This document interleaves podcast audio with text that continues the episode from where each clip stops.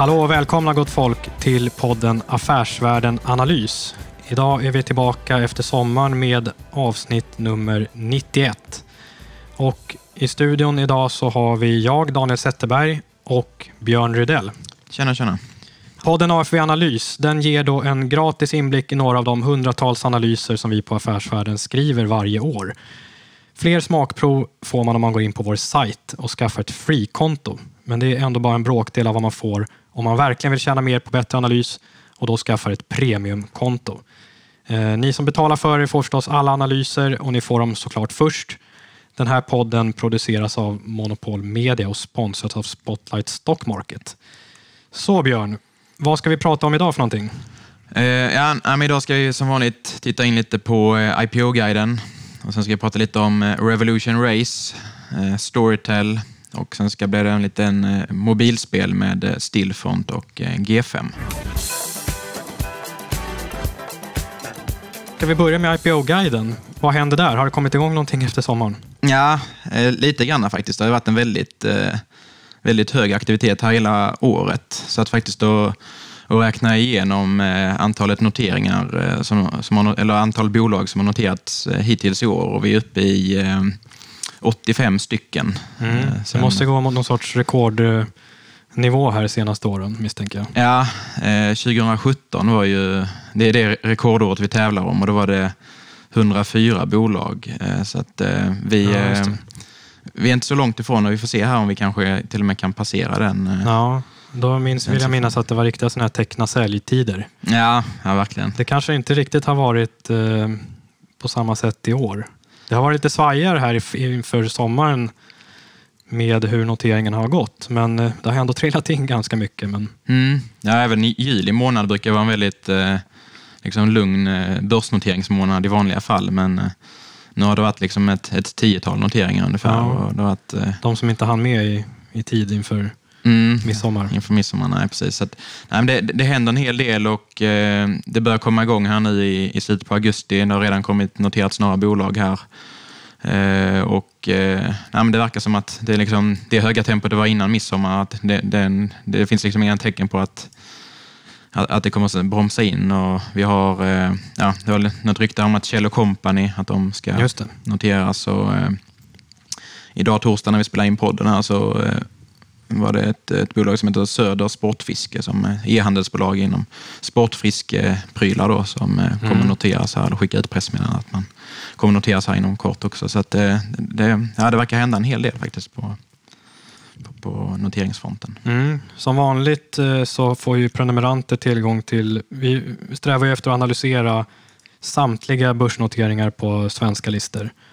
Eh, och vi mäktade väl inte riktigt med allting som kom här i våras. Men jag tror att vi lyckades plocka det mesta som var intressant. Mm, ja, exakt. Nej, det var väl eh, det var några vi inte skrev om, men eh, jag tror inte det var något speciellt bolag som har gått särskilt bra av dem som vi, eh, som vi inte skrev om. Så att Nej. Ja. Men ambitionen kvarstår förstås. Att, mm. Det blir nog en spännande börsnoteringshöst här med många spännande analyser att läsa. Mm. Och ett av bolagen som, som noterades här var ju Revolution Race. De noterades precis innan midsommar. Just det, i juni kom de in här. Och mm. eh, de har ju idag ett börsvärde på knappt eh, 9 miljarder. Mm. Och det här är ju ett, eh, ja, jag vet inte vad man ska kalla det riktigt, ett varumärkesbolag, klädbolag. Men eh, de designar ju då egna kläder och det handlar framförallt mycket då om eh, byxor och jackor mm. som används eh, utomhus för friluftsliv och bland folk som har aktiv livsstil och det är lite så skidkläder och det är lite eh, ut, springa ut i skogen i jackor och allt möjligt vad det nu kan vara för någonting. Mm. Eh, och det som kanske är mest eh, intressant med det här det är att de använder en direktförsäljningsmodell där man då menar att man kapar bort ett antal olika mellanhänder, grossister och detaljhandlare och så. Eh, vilket då enligt bolaget själva ska göra det möjligt att sälja i princip samma plagg av samma kvalitet eh, som liksom traditionella handlare, men till halva priset och ändå göra en större vinst. Mm. Och eh, Av siffrorna att döma så har de ju någonting på gång här. De närmar sig miljarden i omsättning och rörelsemarginalerna är över 25 procent. Så att det är siffror som eh, imponerar här. Och, eh, eh, det är paret Nyrensten som ligger bakom det här. Och Pernilla Nyrensten som är VD och Niklas Nyrensten som är någon sorts kreativ personlighet i bolaget. Mm, just det. Ja, de har vuxit väldigt fort. Det är också, att på direktförsäljningsmodell så har det varit lite nu i ja, i mitten på juli här var det väl de här Decennio som också är så här direktförsäljningsbolag. De säljer så här posters och ramar och så. Mm. Och de hade ju väldigt svag, eh, fick ju vinstvarna där att Q2 var, var riktigt isel. Jag tror det var eh, organisk tillväxt negativ då på 28 procent i, eh, i Q2. Ja, vi tror väl att det här är liksom det som lite grann har legat som en våt filt här över sommaren. Egentligen, på, egentligen kan man också säga på, på flera liksom tidigare coronavinnare. Mm. Jag sätter både lite inom e-handel och sen även inom mobilspel som vi ska prata mer om sen att eh, man har haft ett riktigt starkt fjolår och sen har man inte kunnat eh, matcha siffrorna i år med lika bra siffror utan det har varit motvind på olika håll. Då. Men eh, eh liksom rent optiskt här så ser man ingen sån effekt i, i Revolution Race utan de hade en tillväxt då på klart godkända 152 procent jämfört med fjolåret. Så mm. det är full fart framåt här. Um, men vi tycker ändå det finns någonting att oroa sig över här och det är att eh, man väntar sig hög tillväxt även i nästa kvartal då, som ska redovisas. Lite slarvigt sett kan man säga mellan 50 och 100 procent. Eh, och då kommer man landa liksom någonstans i storleksordningen runt en kvarts miljard, lite beroende på vad det där blir. Men eh, då ser vi ändå att även om tillväxttalen låter fina här när man jämför mot ett relativt svagt fjolår så ser vi nu att om man landar ungefär kring den här prognosen, då kommer man ha haft fyra kvartal i rad där omsättningen har legat ganska flat kring 250 miljoner. Plus mm. minus kanske 20 miljoner. Okay, ja. Så liksom se sekventiellt så verkar tillväxten ha eh, saktat av lite grann här, eller stannat av. Och det är lite konstigt också för man ser inga vettiga säsongseffekter här som gör det här ganska svårt att, gör det ganska svårt att bedöma och förstå vad det är som händer här för någonting. Mm. Så att eh, vi gillar ju det här bolaget. Det, det verkar som att det, liksom, det finns någonting här som är klart bättre än i många andra handlare. De har ju liksom siffror, de har konsekvent liksom presterat mycket bättre tillväxt än många andra handlare och de har klart bättre lönsamhet än många andra handlare. Eh, så det, liksom, det finns ett koncept här som verkar funka och ett varumärke som uppskattas. Och, och nu ska man expandera på flera nya marknader och man ska även eh, man ska även lansera en del nya produktkategorier, typ skor och ryggsäckar pratar man om. Det låter klart rimligt. Om man har liksom eh, jag tror närmare 80 procent eller någonting sånt där i byxor. Mm, ganska det, mycket ja. jackor. Mm. Eh, och, och, och, för friluftsliv, skor och ryggsäckar låter som en typisk frilufts, typiska friluftsprodukter, så det verkar inte alls dumt. Så jag tror ändå att det finns mycket att göra här. Man siktar på att dubbla omsättningen till 2 miljarder inom tre år. Så att eh, på lite sikt här tror vi det finns ändå mycket att göra. Men det vi verkligen skulle vilja göra här är att syna eh, andra kvartalet eh, rättare, alltså, Revolution Race andra kvartal då som är så att säga kalender Q4. Alltså mm. september till december kvartalet. Ja. Um, för nu verkar det som liksom att omsättningen har planat ut på den här nivån kring en kvarts miljard per kvartal. I Q4, eller då bolagets Q2, i september till december, då behöver man liksom lyfta sig till nästa nivå här. Kanske över 300 miljoner eller någonting sånt där. De skulle lansera här med Amazon va, i, i USA, eller har man gjort det? Ja, precis. Det är en sån här marknad som man håller på att testa lite grann på. Så där har man rullat ut då via Amazon. Då, så man finns, jag tror man finns enbart på Amazon idag. där. Mm. Och Det är väl som en liten testballong för att se hur den marknaden funkar. Och sen så eh, Man har lite samarbeten med influencers och sånt där på gång. Det är mm. lite så de har jobbat här i Sverige bland annat. Att man, eh, att man marknadsför sig via influencers som eh, som eh, hjälper till att liksom få ut varumärket och sådär. Och det verkar ha varit väldigt framgångsrikt. Vad är det för värdering nu då på innevarande år? Eller på liksom... Ja, i nuläget så är det då ungefär, ja, vad ska man säga, knappt 30 gånger eh, innevarande års rörelseresultat. Mm, och, och, växer de på här med, med säg 25 procent per år eller någonting sånt där, då faller det här mot 20 gånger rörelseresultatet tre år ut. Mm. Um, Så det är liksom ingen, eh, det är ingen helt vanvettig värdering, men det är inte heller något fynd. Och, och det som har hänt är ju att eh, nu när det varit lite svajigare så har ju många av eh, många andra e-handlare och, och dylikt har ju handlats ner rätt ordentligt. Mm. Eh, så vi hade något snitt här på ett, en rad olika bolag då som med lite olika affärsmodell. Då. Dels de här direkthandlarna och man ska ju påpeka att Revolution Race har ju egna varumärken och sådär. Vilket inte alla av de här har som vi jämförde med. Men, men eh, vi tittar lite grann på så här Desenio, Rugvista och Boost och även lite Lyk och Phoenix och Thule och sånt där som har mer så outdoor.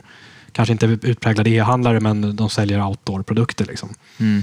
Eh, och då värderas de kanske till 20 i, i snitt och, och, Revolution Race ligger på 30 idag, någonting sånt där, knappt 30. Mm, just det, ja. ja lite premievärdering. Mm. Ja, men så att liksom, ja, vi gillar det här bolaget. Vi kommer att följa upp det framöver, men det känns som att här på kort sikt så, så skulle vi gärna vilja se vad som händer här framåt eh, vintern. Om de klarar av att lyfta sig till nästa nivå och lägga i nästa växel här. Och, och, lyckas de med det, då, då är det möjligt att vi omprövar vårt råd här. Men som det ser ut nu så tycker vi nog att risken finns på nedsidan därför att både analytiker och marknaden verkar liksom räkna med att det här lyftet kommer. Um, vi skulle kanske vilja se lite mer av det så att det inte finns någon sorts fördröjd coronaeffekt här som ligger och stökar i bakgrunden. Så vi är neutrala till den här aktien mm. uh, för tillfället.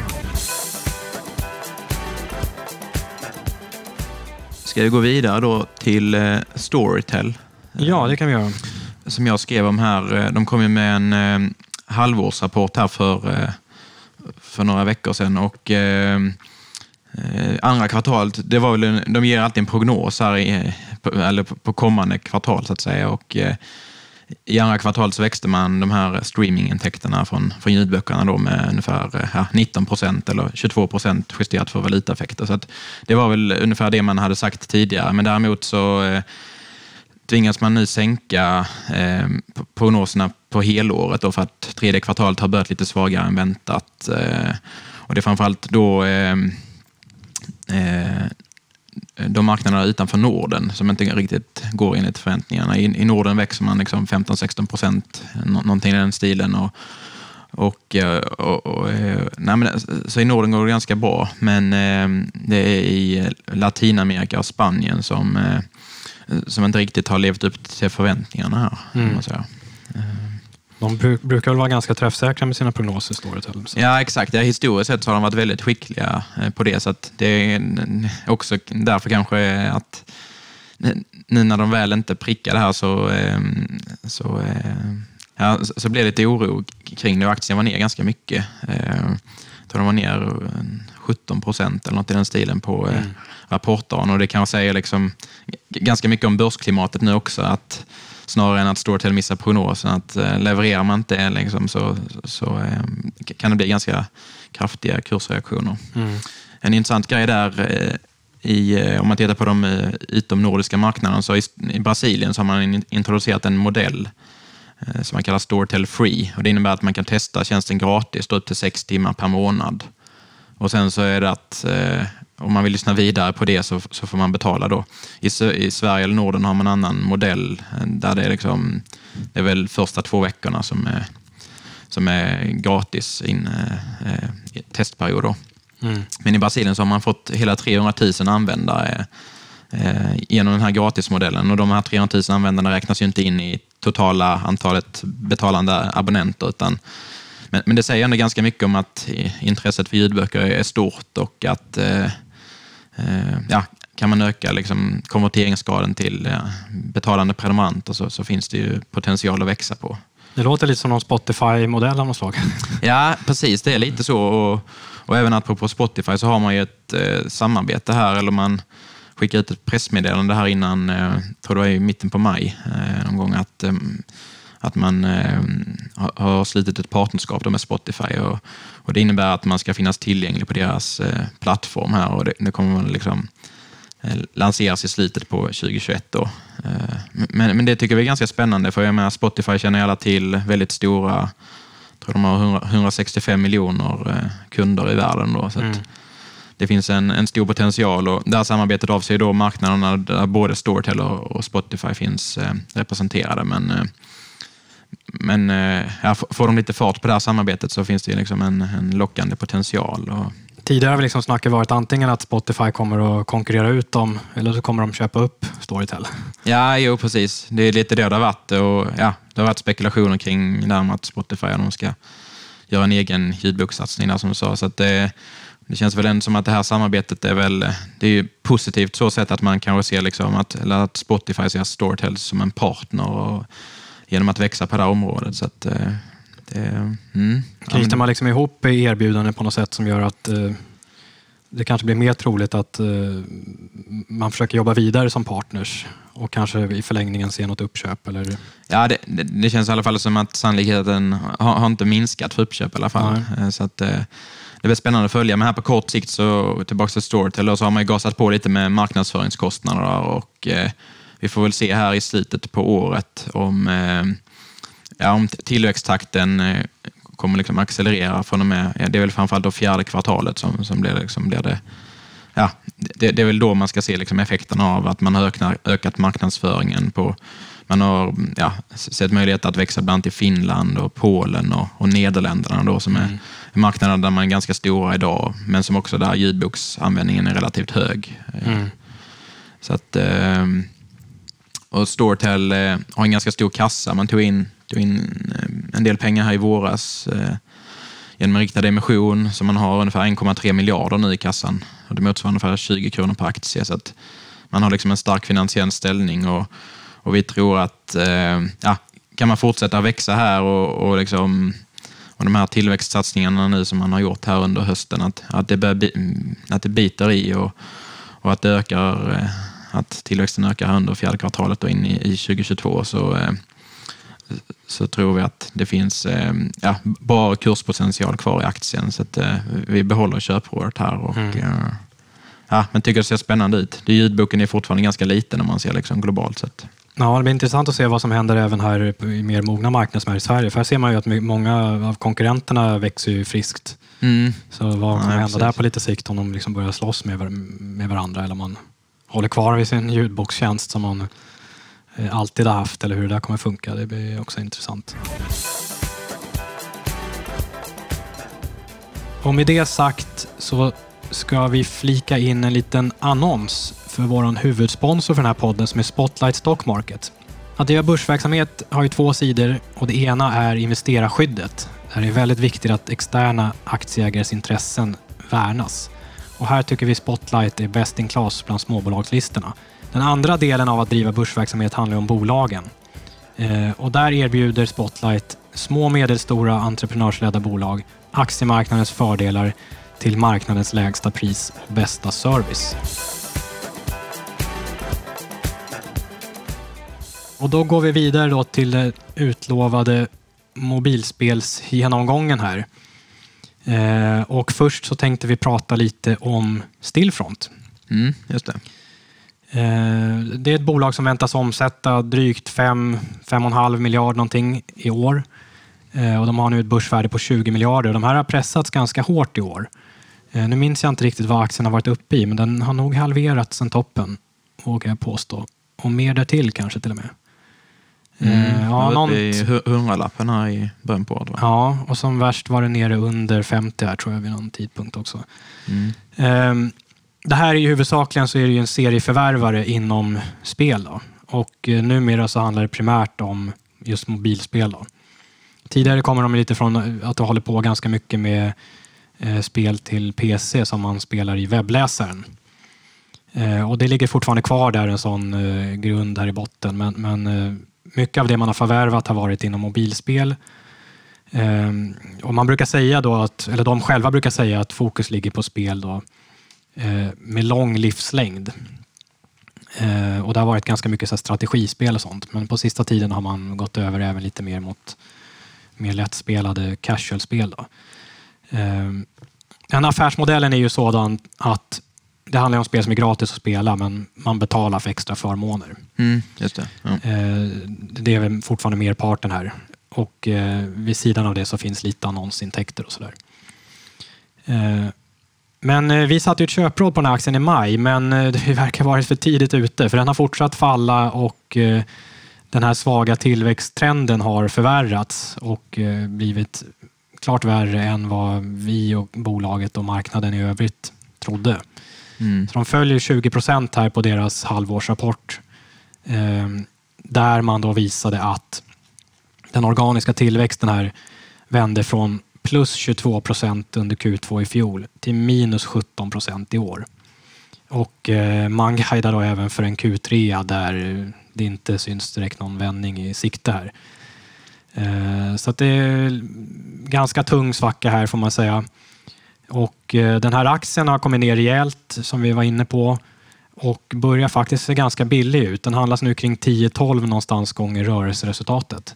Mm. Så att frågan är om det är en värdefälla här och det blir ännu värre eller om det här är ett klockrent köpläge. Jag vet inte exakt hur den har värderats när den har varit som, stått som högst, men det har nog varit närmare 20 skulle jag gissa. Mm, ja, just det. Och I och med att de gör en del förvärv så blir också det här multipelarbitraget inte lika det blir inte lika roligt när man värderas själv lite lägre. Då, Nej, det är ju en nackdel här. Det är ju kul med en billig aktie, men de använder den ju själva till att köpa andra företag. Och den, eh, den matematiken går inte riktigt ihop så lika bra när man har en lågt värderad aktie själv.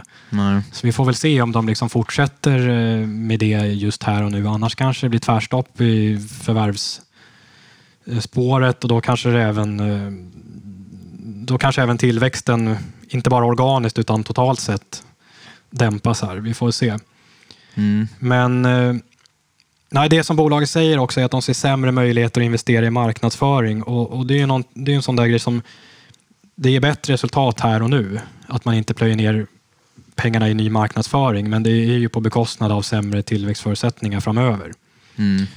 Mm. Men den stora frågan som vi ser här, det är väl liksom om man ska sätta ett frågetecken för de förvärv som man har gjort här en stor del av dagens verksamhet den är ju nyförvärvad och, och många bolagen är fortfarande under earnout. Eller man har tilläggsköpeskillingar som ligger och tickar så att säga.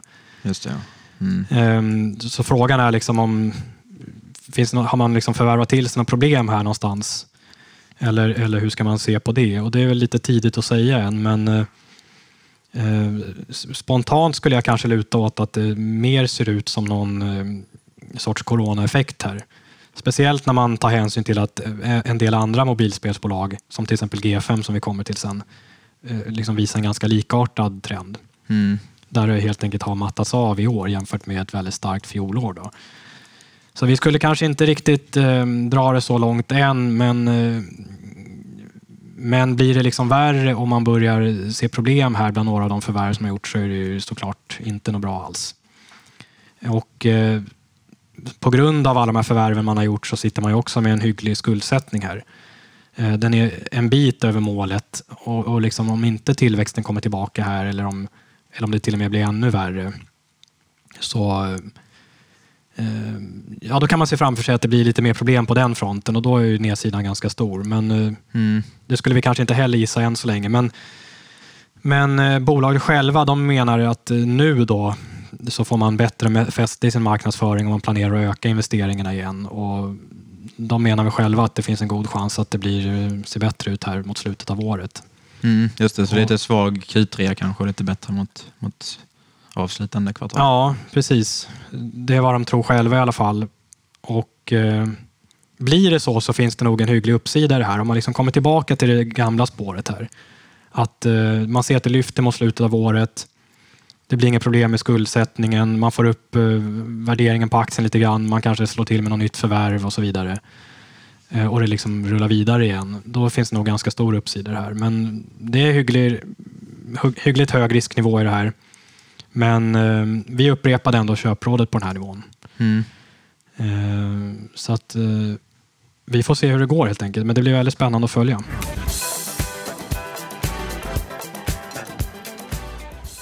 Ska vi gå vidare till G5 då, som vi redan har nämnt lite grann? Mm. Ja, men det kan vi göra. G5 är ju ja, det är också då mobilspel och det är ju också det här free to play. Och G5s målgrupp är ju, ja, riktar in sig på kvinnor över 35 år. Ehm, så till skillnad från Stillfront så har man kanske en lite annorlunda, annorlunda målgrupp om man säger. Mm. Ehm, men om man ser på G5 över tid så har de haft ett spel som heter Hidden City eh, som har eh, ja, det gick ju jättebra det spelet för några år sedan, men eh, ja, nu senaste året så har det väl stagnerat lite och, och har ju tappat lite intäkter. Så här, men det är liksom en mogen fas och det är liksom inga intäkter som rasar, men att ja, det, är, det är på nedåtgående så att säga. Och Hidden City var ett licensierat spel. Ehm, och, och nu senaste åren så har man övergått allt mer till att eh, satsa på egenutvecklade spel. Mm. Och det, ja, det innebär att man slipper dela intäkterna med, med någon partner och det blir liksom högre marginaler. Då. Ja, jag minns när den här vändningen kom, när spelet toppade lite grann. Och då, då trodde vi nog att det skulle så att säga, kollapsa snabbare än vad det, än vad mm. det har mm. gjort. Utan det verkar ju hålla sig uppe på en hygglig nivå ändå. Mm. Även om jag antar att det har blivit en betydligt mindre del av bolaget. Ja, jo, verkligen. För, för några år sedan så var det ju Hidden City, eh, liksom kanske över 50 procent eh, av intäkterna. Då. Och nu eh, är ju andelen egenutvecklade spel stod för 30 procent 2018 och så här senaste 12 månaderna så är andelen egenutvecklade spel eh, drygt 60 procent, eller 63 procent. Mm. Så, att, så att man har ju liksom ja, den här skiftet eh, från distribuerade eller in, inlicensierade spel till egna spel har ju, har ju varit eh, ja, framgångsrik i G5 om man mm. säger. Eh, det var också likadant som Stillfront hade ju en hög organisk tillväxt i fjol, så var det likadant att G5 eh, också fick ett, ett uppsving då av hemmasittande och att ja, folk hade tid att eh, att sitta och spela mobilspel. Och i år när samhällena har öppnat upp lite mer så, här, så har det blivit, eh, ja, det har ju fått avtryck i siffrorna här och i senaste kvartalet så växte G5 3 procent i, mm. i, i, dollar räknat då. Men i, när man räknar om det till svenska kronor så blev det en minskning på 10 procent. Men, eh, så, så, att det är liksom lite tuffare jämförelsetal. Eh, man håller på att utveckla, man har släppt två nya spel här under året och säger här under andra halvåret att man kommer lansera eh, ytterligare fyra spel. Så att, ja, man har ju ett, en kontinuerlig eh, pipe av nya spel som man lanserar. Då. Är det något särskilt som du tror att man ska hålla ögonen på, stort eller litet? Nej, men man har ju haft lite olika typer av... Eh, ja, det är mycket sådana här hidden objekt. Det är det som Hidden City är, sådana här mm. dolda objekt som man ska leta upp. Och, så, så, så, och pussel har väl också varit en stor kategori för G5. Så det är väl li, lite i de, eh, ja, man gräver eller eh, det är väl den typen av spel som man liksom har varit framgångsrik in, in, inom tidigare som man fortsätter att, eh, att lansera inom. Men sen så har man även liksom lite nya kategorier eh, titt och tätt. Mm. Eh, man har en ganska stark balansräkning i G5, 170 miljoner här eh, vid halvårsskiftet. Eh, och då, då, har man delat ut lite pengar här i andra kvartalet också. Så att 170 miljoner efter utdelningen. Och mm, GFN börjar också prata lite om förvärv, att man letar efter ja, förvärvsmöjligheter och, och sådär. Och, eh, ja, Stillfront har ju varit väldigt eh, aktiva på förvärvsfronten och gjort, mm. gjort det bra. Eller varit väldigt aktiva där. Och G5 har ju, där har ju alltid varit organisk tillväxt. Så det, vi får se här. Det, om de kan slå till med något förvärv. Och, ja, de är som sagt lite oprövade på den punkten, men eh, det är, som sagt, det är ju, kan man få in ett nytt spel så har man ju en bred spelarbas och man kan liksom korsförsälja mellan spelen. Och så där, så mm. vi får se om, eh, om det trillar in något förvärv här.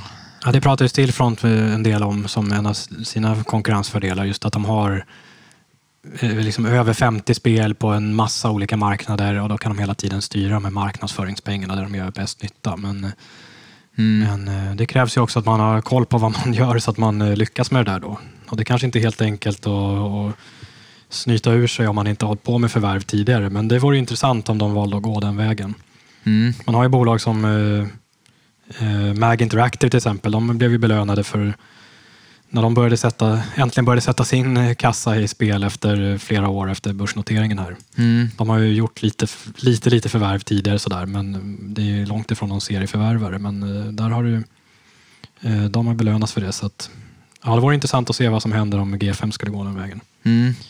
Nej, men det är liksom, ja, vi får se. Men framöver här så räknar vi ju inte med några nya förvärv då i, i våra prognoser, utan vi räknar med ja, att man växer då ungefär 8 procent eh, årligen av, av egen kraft. Då. Och det är, liksom, ja, det är någonstans där mobilspelsmarknaden väntas växa underliggande, ja, kring liksom 8, 10, 12 procent mm. beroende på marknad. Men eh, eh, ja, G5-aktien värderas väl till eh, ja, 15-16 gånger rörelseresultatet här på innevarande år, så det är nog ganska eh, höga förväntningar. Man värderas ju lite högre än vad, vad Stillfront gör här. Så mm. vi, vi, vi, landar väl i en eh, neutral hållning här, men att eh, ja, det, det är värt att hålla ögonen öppna på G5, för det brukar alltid vara liksom stora slag i aktien. Och, mm. eh, ja, det, blir, det blir sådana riktiga trender när den, eh, ja, den har haft riktigt starka perioder, så det, det, är absolut värt att hålla ögonen på. Ja, vi lyckas tajma där hyggligt, men alltid gått ur för tidigt åt alla håll tror jag. Ja. för det är som du säger, när den väl drar så verkar det bli rejäl fart den där. Mm.